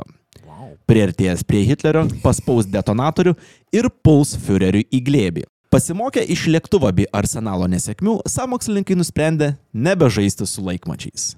Paspaudus detonatorių, sprogmuo drioksteltų už 4 sekundžių. Ir beje, Tomai, kai tu parodėvai kosulį, tai Akselio idėja ir buvo degiklio garsą pridengti, kosint. Uniformų demonstracijoms pasirinkta lapkričio 16. Dvi dienos iki renginio Akselis atliko į Vilko guolį, ten perdavė slaptus dokumentus kitiems Vilko guolyje viešėjusiems samokslininkams ir įsitaisė laukti lemtingos dienos. Kaip įdomu, kad didžiausiai tokioj irštvoj, kur buvo Hitleris pasislėpęs ir rinkosi jie visi. Jo, tai rodo, kokio plataus masto tas samokslas buvo ir kiek daug buvo norinčių atsikratyti jo. Tačiau likus mažiau nei parai iki trečiojo pasikesinimo, likimas vėl spjauna samokslininkams į veidus. Britų bombonešiai susprogdino traukinius, kuriais į Vilko guolį keliavo naujosios uniformos. Neturint pakaitalų, renginys atidedamas, Hitleris gyvena toliau. O uniformų viskas gerai? Ne, uniformos ištaškė. No. Akseliui tai reiškia kelionę atgal į frontą, kuris netrukus neteko kojos ir nebetitiko Arijo etaloną. Nors Stauffenbergas rado kitą savanorių karių krypstantį nepalankę pusę, uniformą pristatymai galiausiai buvo atšaukti ir samokslininkams reikėjo naujo plano. Ko gero žinomiausias pasikesinimas į Hitlerio gyvybę įvyko 44 Liepos 20, kuomet Stauffenbergo padėta bomba sprogo kambaryje su Hitleriu. Kadangi tinklalaidžių vaidybinių ir dokumentinių filmų apie šį įvykį nors vežimu veš, mes apie jį daug šiandien nekalbėsim. Pasakysiu tiek, kad Hitleris išgyveno dėl dviejų priežasčių. Pirma, Stauffenbergui palikus kambarį, Heinzas Brantas, tas pats, kuris į Hitlerio lėktuvą įnešė buteliais užmaskuotas bombas, patraukė Hitleriui skirtą užminuotą lagaminėlį kitapus stalo kojos. Ir antra, Liepos 20 buvo karšta, todėl visi patalpos langai buvo atidaryti, o tai gerokai sumažino smūgio jėgą kambaryje. Nepavykus Liepos 20-osios perversmui, samokslui atėjo galas, o pats Fontresko nusprendė nelaukti gestapo vizito. Paskutiniai žinomi jo žodžiai nuskambėjo Liepos 21-ąją už 125 km nuo Punsko Kriuliovio most kaime. Atsisveikindamas asistentui Šlabrendorfui, jis sakė, Nors mus teis visas pasaulis, aš lieku įsitikinęs, kad mes pasielgėm teisingai. Hitleris yra ne tik Vokietijos, bet viso pasaulio priešas. Kai už kelių valandų stosiu prieš Dievą ir turėsiu atsiskaityti už tai, ką padariau ir ko ne, žinosiu, kad galėsiu pateisinti savo kovą prieš Hitlerį. Ta pačią dieną Fontresko po smakru pasikišo granatą ir pagaliau įvykdė sėkmingą pasikesinimą į kažkieno gyvybę. Ko, kokia gili išvalga pas žmogų. Nu, jis šimtų procentų tiesą pasakė. Pata, jo, jis suprato, kas vyksta šito vietoje. Ganėtinai aiškiai ir pakankamai anksti, nuo kažkur 39 metų. Iki pat 21 amžiaus pradžios buvo manoma, kad Stauffenbergas buvo pagrindinis samokslo prieš Hitlerį vedlys. Esminė įtaka šiai nuostatai pasikeisti turėjo Maskva. Pamenat, minėjau, kad ruoždamasis nužudyti Hitlerį, Akselis Vilko Guolėje samokslininkams perdavė dokumentus apie perversmą. Pasibaigus karui šie atsidūrė sovietų rankose. Besibaigiant 20-ajam amžiui, tuos dokumentus, parodžiusius, kad pirmoji smūko samokslė grėžė Fontresku, Vokietijos prezidentui Helmutui Koliai perdavė Rusai. Tik vieni šaltiniai teigia, kad tai padarė Gorbačiovas, kiti nuopelnus priskiria Jelcinui, o kuris iš tikrųjų perdavė, aš tikrai nežinau. Tai tiek būtų šį kartą, mėly klausytojai. Tebūnie šis epizodas perspėjimas. Pasaulis kaista, o politinis atgeistas vis intensyviau flirtuoja su moderniamis fašizmo formomis. Gali išaušti diena, kuomet reikės rinktis lengvą arba teisingą kelią. Jei taip nutiks, atsiminkit, kad pasirinkus lengvąjį, ištaisyti jį gali būti neįmanoma, nepaisant nei tam skirto laiko, nei jėgų. Ką dėl? Ačiū vėliau. Žiauriai įdomu, aš asmeniškai nebuvau girdėjęs nu, praktiškai apie nei vieną iš šitų istorijų. Buvo kažkokių tai nuogirdų apie, man atrodo, apie Akselio istoriją kažką tekia yra girdėti, bet bendriau, vat, kad tai netgi kažkaip kažkuria prasme dalyje tos istorijos susidėlioja į tokį vos ne ilgą, labai, kaip suprantu, naratyvą. Jeigu tokį pridėtume Osterio samokslą, Jo. tai tęstusi nuo pat 37 metų, Jo. be perstojo iki pat karo gal. Tai labai, labai va šitas irgi yra įdomu, kad tai buvo toks ir ne testinis dalykas, iš visų pusių buvo bandoma, kartais pritrūko tiek nedaug, bet vis tiek nepriejo. Tai visgi jo ateina tas supratimas, kad po velnių kartais ne tiem žmonėm, kuriem reikia, sekasi žiauriai. Jo. Žiauriai gerai. Ir, ir vis tiek turbūt kažkuria prasme yra tokio piktumo, gal netgi, kad Hitleris gavo išeiti iš šio pasaulio savo, Labai. savo sąlygomis. Kai, na, visi šitie žmonės stengiasi ir tarp jų panašu, čia net neheroizuojant jų, tarp jų buvo kažkuria dalimi, kaip yra tas angliškas žodis, tokių decent ar ne žmonių, kad turėjusių tam tikrą padarumą, tačiau vat, jie ne, negalėjo pakeisti visos mhm. tos situacijos, dėl ko yra labai gaila ir taip, galiausiai istorija nepasibaigė Hitlerio mirtim, bet damn, galėjo baigtis. Gaila, kad jis pats įdomiau. padarė šitą. Aha, Labai. Tai, bet ačiū tau, aš tikrai, o ir apie tą Osterio planą tikrai pabandysiu pasieškoti gal net literatūros, nes atrodo žiauriai. Galiu pasidalinti? Oi, būtinai. A, Labai, labai, labai įdomu ir labai verta turbūt pasižiūrėti. Aš labai tikiuosi, kad kažkas tokio šiandien vyksta Rusijoje kažkur a, ir kad tai baigsis ne, ne ant Putino sąlygų, o baigsis anksčiau. Visiškai, aš ir negalėjau nustot galvoti apie tai, kas vyksta rytuose dabar. Ir ant kiek tai rodos primena tą, bet priklauso, kuriuos metus paimsi. 32, 39, 41, kur vis keitėsi skalė viso to, viso samokslo, bet ir kaštai, sakykime. Mhm. Vat kuriuo momentu tie žmonės, kurie bando nužudyti Hitlerį, pereina iš fanatiko arba kažkokio bandito ar psichiškai nesveiko žmogaus, tai kur vat tie žmonės iš radikalų perėjo prie herojų. Ir, ir vat kaip minėjai pradžioj, sunku, man dabar pačiam sunku netikėt, kad jis buvo pardavęs dušą kažkokiam demonui, kuris jį saugojo. Kai pasiklausysit dar labiau wacky istorijų apie pasikesinimus nužudyti sto- idėjų kompostą, tai visi šitie du dėmenys susideda į išvadą, kad žmonės iš ateities bandė išsaugoti Hitlerį. Aš, I just can't. Yra neįmanoma tiek kartų išgyventi, nes... Chaos Magic. Jo, visiškai. Ačiū, vėliau lygiai taip pat, kaip ir Tomas Aivaras sakė, man yra keista, nes atrodo, kad Hitleris turėjo nuojautą, ar, ar tie ūsai kažkokią uoslę jam pridavė dėl artėjančio pasikesinimo. Aš nežinau. Šnekėjusi su juo. Ūsai valdė jį iš tikrųjų. Nu, labai gaila, kad jeigu nepavyko ir visiems staliam ir karininkam, kodėl anksčiau jo nepasėmė visų tipų diabetai, cirozės ir panašus dalykai. Gaila, va čia būtų buvęs geriausias pasikesinimas. Meth galėjo jį pasiemti. Galėjo mėsą valgyti. Nu, Galėjo, jo. Taip. Bet uh, vienu dalyku pasidžiaugsiu gal, kad uh, tokie dalykai uh, labai ugdo žmonių uh, sumanumą ir spontanišką meistrystę. Nesisaksi, negyvensi. Na taip, bet kažkas, vad kyla mintis, ateina planas, jis puikiai beveik padaromas, pritrūksta tik tai labai nedaug, gal 13 minučių. Ne? Mhm. Iš vis įstabiausia man yra, kiek karininkai darė visų dalykų ir kad jie neįkliuvo Mhm. yra irgi aplodismentų verta. Bet pati situacija, kiek yra bandymų daroma ir tada jau, kai yra nustojama, man primena tą situaciją, kai kažkada tikrai gaisrininkui kyla mintis, kad jisai užsukačiaupa ir, e, sudegs pats. Tai po tavo šito epizodo ačiū, bet su įdomumu ir baime stebim tokį gaisrą rytuose. Mhm. Tai ačiū. A, aš dar turiu klausimą prieš tau užsklandą padarą. paskutinį, paskutinį komentarą. Aš dar noriu apie vieną iš šitų pasikeisinimų entreprenerių tavęs paklausti. Nes, nu, va, tas ar ne pagrindinis uh, organizatorius viso plano su Stauffenbergu, Akseliu ten ir panašiai, jisai save susisprogdino. Taip. O yra, aišku, kas nutiko, nutiko su Dorfbergu. Išgyveno karą. Išgyveno karą. Praktiškai visi samokslininkai išgyveno karą.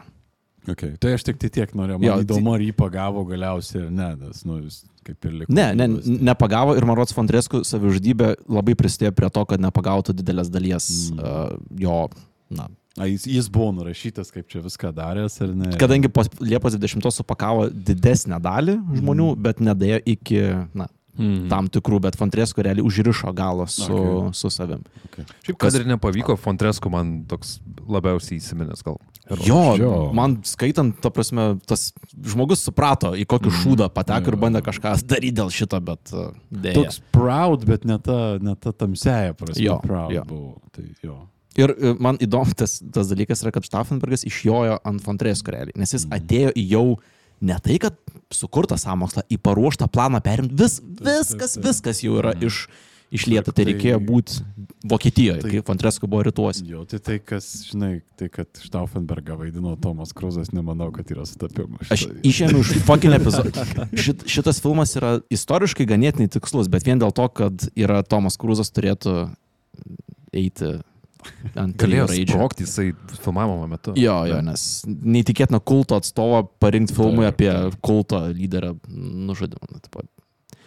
Jei šiandienos tematika jums įdomi, tai už savaitės gausit dar gerą gabalą pasikesinimų, įsijungit, pasiklausykit, tikrai bus įdomu, ten jie tokie labiau, vėlgi, wacky, sakyčiau. Dar neklausiau, bet jau balsuoju, kad verta. Jo, tai susi, susitiksim tenai. O iki tol nepamirškit, Ei, ar po savaitės, ar tu mokysi mus a, sabotažo kažkokiu tai... gal mes patys išmoksim, varysim į Rusiją tada. Ar ištrauksi konjako butelį, kuris iš tikrųjų sprogs? O, man. um, nepamirškit apsilankyti pas mus ant sienos. Taip.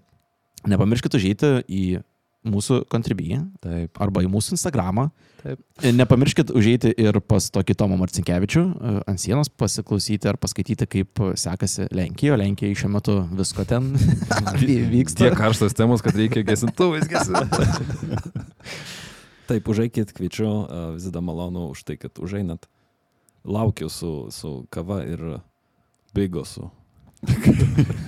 Puikus derinys. Ir pa pasinaudosiu tikriausiai progą pažymėti, kad e, mes uždarom savo trečiąjį sezoną jau ir esam labai jums dėkingi už, už vis, visus šios metus, kuriuos skyrėt. Mane jau sakys, ateikit pas mane kažneka šiauliai. Ką aš nekščiauliai. Didžiuojamės jumis, kad tris metus ištverėt su mumis. Jau trejus metus. O. Tikrai kieti. Ei, ir mes Ačiū vieni su jums. kitais ištvėrėm trejus metus. Neįtikė, čia yra tikroji. Tikroji Ne, žinai, paslaptis. kas darykit kaip norit, gerai? Ir, ir tikriausiai su kalėdom, vis tiek šventė. Jo, šventės. Pa- Įsijunkit protopemzą, gal tevam. Pa, pa, pa, ne, nejunkit. Paplaginkit protopemzą prie kučių stalo. Va, teisingai vis tiek neturėsite, apie ką aš negėsiu trečios eilės pusės. Ką, tai. ką apie politiką aš nekėsit? Nu, Jo, nu. būtent. Vis tai įdomus faktas apie Hitlerį. Pagyvina, pagyvina. Taip, visada. Kiekvie, bet kokį pokalbį viso, visam vakarų pasauliu tikrai pagyvinsit faktoidą apie Hitlerį. Taip, Nes- tas Aš vat norėjau pabaigai, galbūt vat ir toks klausimas jums pamastymui šių metų pabaigai ir šiame tokiame ramiame ir jaukiame švenčių periode. O kas iš tikrųjų buvo Hitleris? Ar mes kažkaip iki, iki kalėdų senelio nueisim? Nežinau, ar tai buvo memas, ar tai buvo fenomenas, kuris pasirodė, o gal Hitleris buvo tiesiog kažkokia tai... Pasąmonės rautų projekcija. Taip. Bet taip, spraksint kalėdiniam žydiniui, nieko nėra fainiau už Unit 731, kuris buvo mūsų klausiamiausias, klausomiausias epizodas. Taip, jūs tai, maži iškrypeliai. tai ačiū Jums. Ačiū Jums už tai ir šią linksmą gaidą tarėme Jums. Iki. Iki. Iki.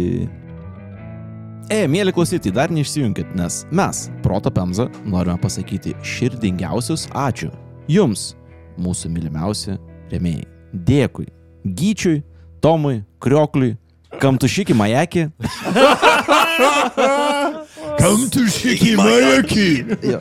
Sprinteriui, Justui, Agniai ir Vytautui, Lygitukiai iš Kibartų, Sigiui Šlagbaumui, Paulinai, Pasakoriui, Žilvai, Davidui, Elektrikui Būtikėliui, Gina 8, Tomui, Kazimierai, Makaulizuokiui, Gvidui, Vitalijai, Jovitai, Muavai, Jutai, Kriogeliui, Dingo šuo, nerasta.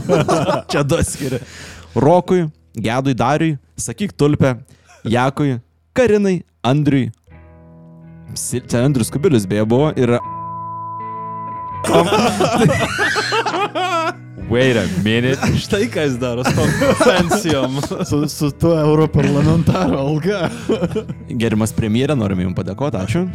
Ačiū. Silvijai, Karštai Šaltienai, Martynui, Gintariai, Sauliai, Matusajui, Pauliui, Apanavkai, Jėvai, Legolasai, Metai, Zapiekankai, Gediminui, Nedai, Simomonai, Orinimui, Ulai, Slapdares.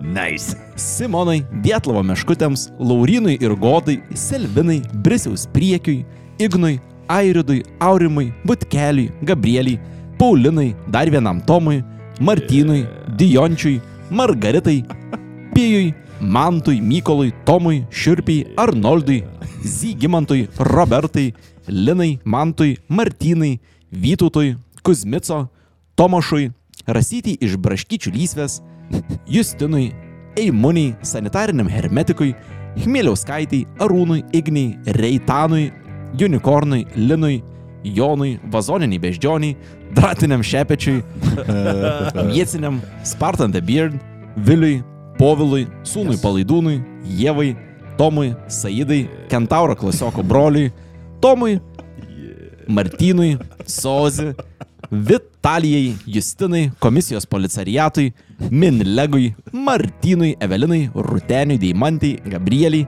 Ananasiniam vafliui Gedriui, Maladėts, vaflių Gedriau. That didn't come out right. Ačiū Gedriau.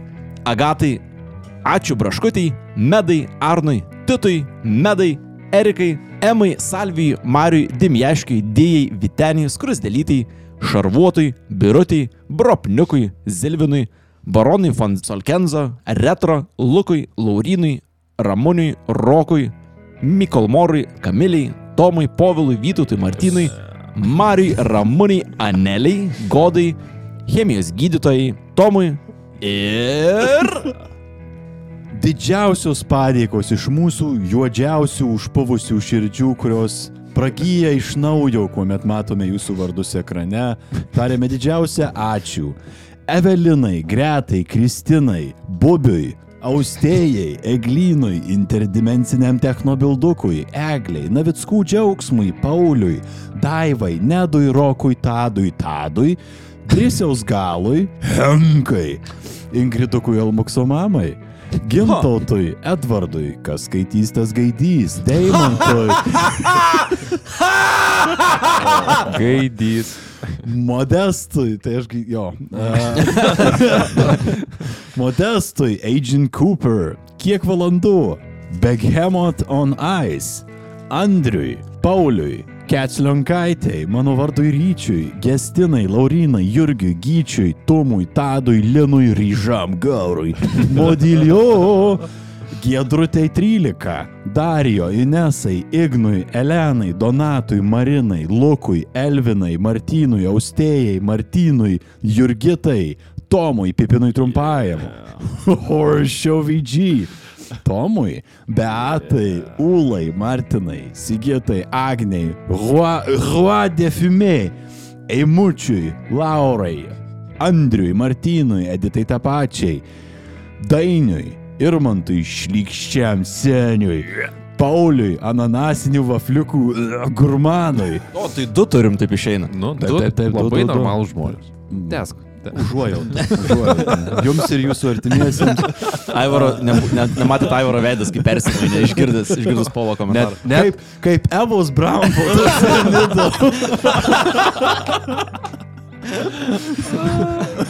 net Hitlerį, kai cirdavai, tai neatrodo. žinai. Wow. Čia Aivaras brėžė liniją ties šito. Bohemai Ruoniui, Domantui, Simonui, Nabagiai, Jovarui, Luidžiui, Šakočiui be šakų, Almuksui, Mantui, kunigo lūpoms. Be, be abejo, aplaižytas. Ei, kunigo lūpos ar vašlinis saldainis? Net nėra. Čia, žinok, čia Sophie's Choice.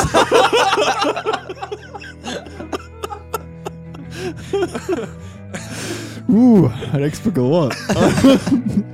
Orintai, Čiharai, Major Tom, Juozui, Didui Bybui, Špunpeliui, Rimantui, Badzimbiškių kamienui, Vilmai, Aurimui, Kopustei, Martynui iš Raufos, Dianai, Tulpaitai, Liochai, Neringai, Eiviliai, Ugniai, Živiliai Ievai, Eitvydui, Vargraščiui ir Kluotojui, Tautvydui, Žiedūniai, Arūniai. Katablankui su katablankiukais, Pelėdžiukams, Liudai, Daivai, Mantvydui, Egidijui, Emilijonai, Justinai, Jėvai, Martinui, Godai, Radzvilai, Giedriui, Erikai, Tomui, Mičigo, Artūrui, būsimai Aivaro žmonai. O, labą dieną. Vis dar, vis dar yra. Ištaiko. Kaip žinodam.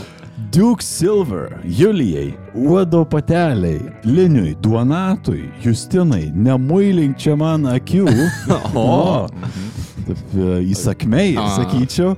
Benediktai, Mantūsui, Doviliai, Mariui, Dariui, Egzybau, Laimonui Vil, Pikabuzebu, Kamiliai, Birutei, Eimantui, Viktorijai, Birutei, Baronui, Arūniai, Povilui, Neringai, Nykštukų fabrikėliui, Vaidui, Auksuokliai, o taipogi Didžiulę padėką tariame.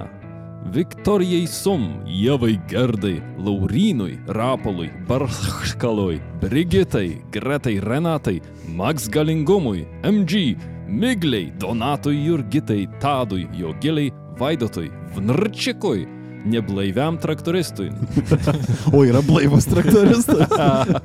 Lauksim. Kiprui, Simai, Migliai, Pauliui, DJ MTV, Monikai, Akviliai, Tomui, numeris 10. Simonai, Artūrui, Donatui, Džiugui, Mindaugui, Pauliusui Lau, Domantui Samantai. Galėsi per nuobis purvidas ekranas. Lietuviškai su lietuvina į vardą klausyti. Samantą. Ai, Samanta, aš žinau, kad Samata kažkada. Bet tai Samantą. Gražiai skamba. Purvinas ekranas buvo. Reinaldui, Martynui, Reptilijui, Ugniai, Kraujospūdžiui, Kotrynai, Šarūniai, Lailai, Ž... Ne, čia nėra purvinas ekranas. Lai, lai. Lailaiža. Lailaižai. Vytautai, Austėjai, Gabrieliui, Agnainiui, Lagaminui, Juliui, Pauliui, Arnui, Charlie from Verdensk, Bučinskaitėjai, ponui Jorui Kompostui, Medžiui, Rasai Monikai, Justinai, Rūtai, Vilitai, Vaidcui, Antanui, Urtei, Egliniai, Viktorijai, MD, Pauliui, Renatai Audrui, Mr. Mindaugui J, Kornelijui, Vikai, Rimai, Giedriui, Kestui, Linai, Aušriniai, Arštikiui, Migracijai ir Mašinistui, Jolitai, Mantui Kul, Aušriniai, Erbraiderui, Justai Pripustai, Editai Zabirkai, Thustiniai, Džiugui, Giedrai, Šliaužytai, Sandrai, Karoliui, Maiklui Skotui, Kristinai, Indrai, Ingridai On, Darui, Daugelieniai, Tėvo Vamždžiui, Juditai, Eimantui, Midlfartui, Solveigai. Miestas Danijoje. Nepamirškime. Ačiū.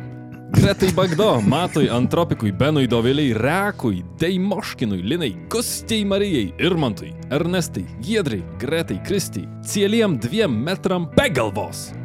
Ausies skausmui, Vaidotui, Deimantai, Pauliui, Audrai, Jurijui, Melitai, Arūnui, Rūtai, Ryteniai, Ingai, Gretai, Silvijai, Robertui, Robertui, Marijui, Rimai, Pauliui, Redai, Laimonui, Doviliai, Agniai, Arnui, Pijui, Mindaugui, Doviliai, Egliai, Meškiui, Donielaitei, Robertai, Augustai, Mikiai, Pūrui, Geruliai, Prisiaus Lencūgui, Turim priekį gal ir lenciuką. Čia collectibles. Gal, kur- gal, jo, gal surinksim visą poemą tą, ne? Pasak. Kažkas šautų. Šautų reikėjo. Bresiaus kulka. Justui, Vytautui, Krapui tarp dantų. Darui, Dedai Tomui. Yeah. Ačiū. Mantai, Akučkaitai, Tadzikočiui, Benui, Editai, Pukeliui. Gal pukeliai, bet pukeliui. Linai, Egliai. O taip pat Tiems, kurie paklausė dar nepirko eglutės, tikiuosi jau nusipirkote eglutės. Tai tiek. Ačiū. Gediminui, Sauliui, Evelinai, Tadui, Vygai, Arnoldui, Raimondui Kil, Solveigai, Povilui. Kas dar čia buvo paraginimas? įrodymas. Sakymas. Kill. Activate sleeper angel. Solveigai Povilui, mhm. Raimondui, Mykolai, Mantui, Bitskai, Gretai, Jonui, Marijai, Mildeliai. Blue Yellow telefonas 1482. O. Nice. Taip. Aušai, Doviliai, Albinui, Iman Ziman, Elijui, Martynui, Rokui, Irmantui, Viriau Pank, Dievo Jagurkai, Gailiai, Inai, Monikai, Pisimantui Makštučiui, Viliui, Remigijui, Dariui, Vaidzai, Inesai, Gintai, Ritai, Egliai, Aidai, Kristinai, Skirmantai, Monikutei, Viliui, Eimantui, Alvitai, Mariui, Vytautui, Julijai, Egliai, Tomui, Tomui, Robertui, yeah. Povilui, Jorindai, Gretai, Mildai, Andreliui, Dominikui, Rasai, Arūnui, Justei, Marijui, Mariui, Arminui, Stepan, Šarūnui, Rūtai, Auritai, Justinui, Kunigundai, Venskūnaitai, Mirandai, Kugiai Mūgiui, Mikui, Ainui, Eirimai, Justinui, Domantui, Rolandui, Gabrieliui, Benui, Tomui, Erikai, Medoniui, Greitai, Rasai, Uvanautui, Akviliai, Nešeipendrai, Edvinui, Arvidui, Sauliui, Burbalicious, Nestiušai, Brigitai, Linai, Vaidui, Simonai, Voltaire Punk, Eugenijui, Monikai, Dr. Kaun, Giedriui, Linsei, Aistai, Nerijui, Donatui, Marko, Meškaugiai, Gabrieliai, Ingridai, Antemeridijam, Upei Cat, Gretkai, Agnėtai, Jurgitai, Gabijai, Migliai, Karoliui, Jovitai, Simui, tyliai, tyliai, Paulaneriui, Merso nebėra, atidaviau už tris gabalus. nice, Sveikinimai. nice. Jo, sveikinam pardavus, malodė. Hei, visai greitai. Jo, jo, klausyk. Ne, Gerai paskelbė. Ir, ir čia jo, čia būtinai dėl to, kad paskelbim. Kaip faina sužinot kažkieno istorija. Nėra už ką. Nėra už ką. Dabar parašyk, ką nusipirkai vietoj. Šiaip, Jo, jo, jo, įdomu, iš tikrųjų, kuris investavai tos tris. Nu. Be technikinės buvo. Nu. Jeigu kas nusipirka Mersą, duokit žinot. Parduodu anksčiau minėtą mes. Ačiū Kubekui, Eimontui, Ptšč, Gerdukai, Šarūnui, Kasijai, Neringai, Juozui, Augicui, Agniai, Davidui, Sigitui, Tomastino, Andriui, Živiliai, Nutaigi Tomuigi ir, aišku, Viltei. Labai liūdim pasakyti, kad vis dėlto Brisiaus nesukompletavom. Jau šitą nebe. kartą. A ne? Na, žinai- žinai, turėjom brisius Priekį, priekį. torsą dar. Ir lincų. O ne, bet dabar, ne, dabar neturėjom. Vidurio nebuvo. Jo, vidurio. Neturėjom vidurio. Nu, žinai, kūno, kūno dekompozicija, tai, žinai, Jo. Matyt su ir. Ir kažkai už ko tas lencūgas buvo prieš. Tai dabar lengvai jau nusėjimo. Mes. Čia toks build your own, pastatyk, pastatyk savo jo, pasaulį. Žinai, mes, mes norim visą prisiaus galo istoriją turėti čia. Ai, tai ar sakai, kad System of a Down daina BYOB vad, yra Build Your Own Brisus? Panašu taip, Paul, ačiū. Kad jau kalbam apie ačiū, tai ačiū. Ačiū. Ačiū. Gražių švenčių visiems.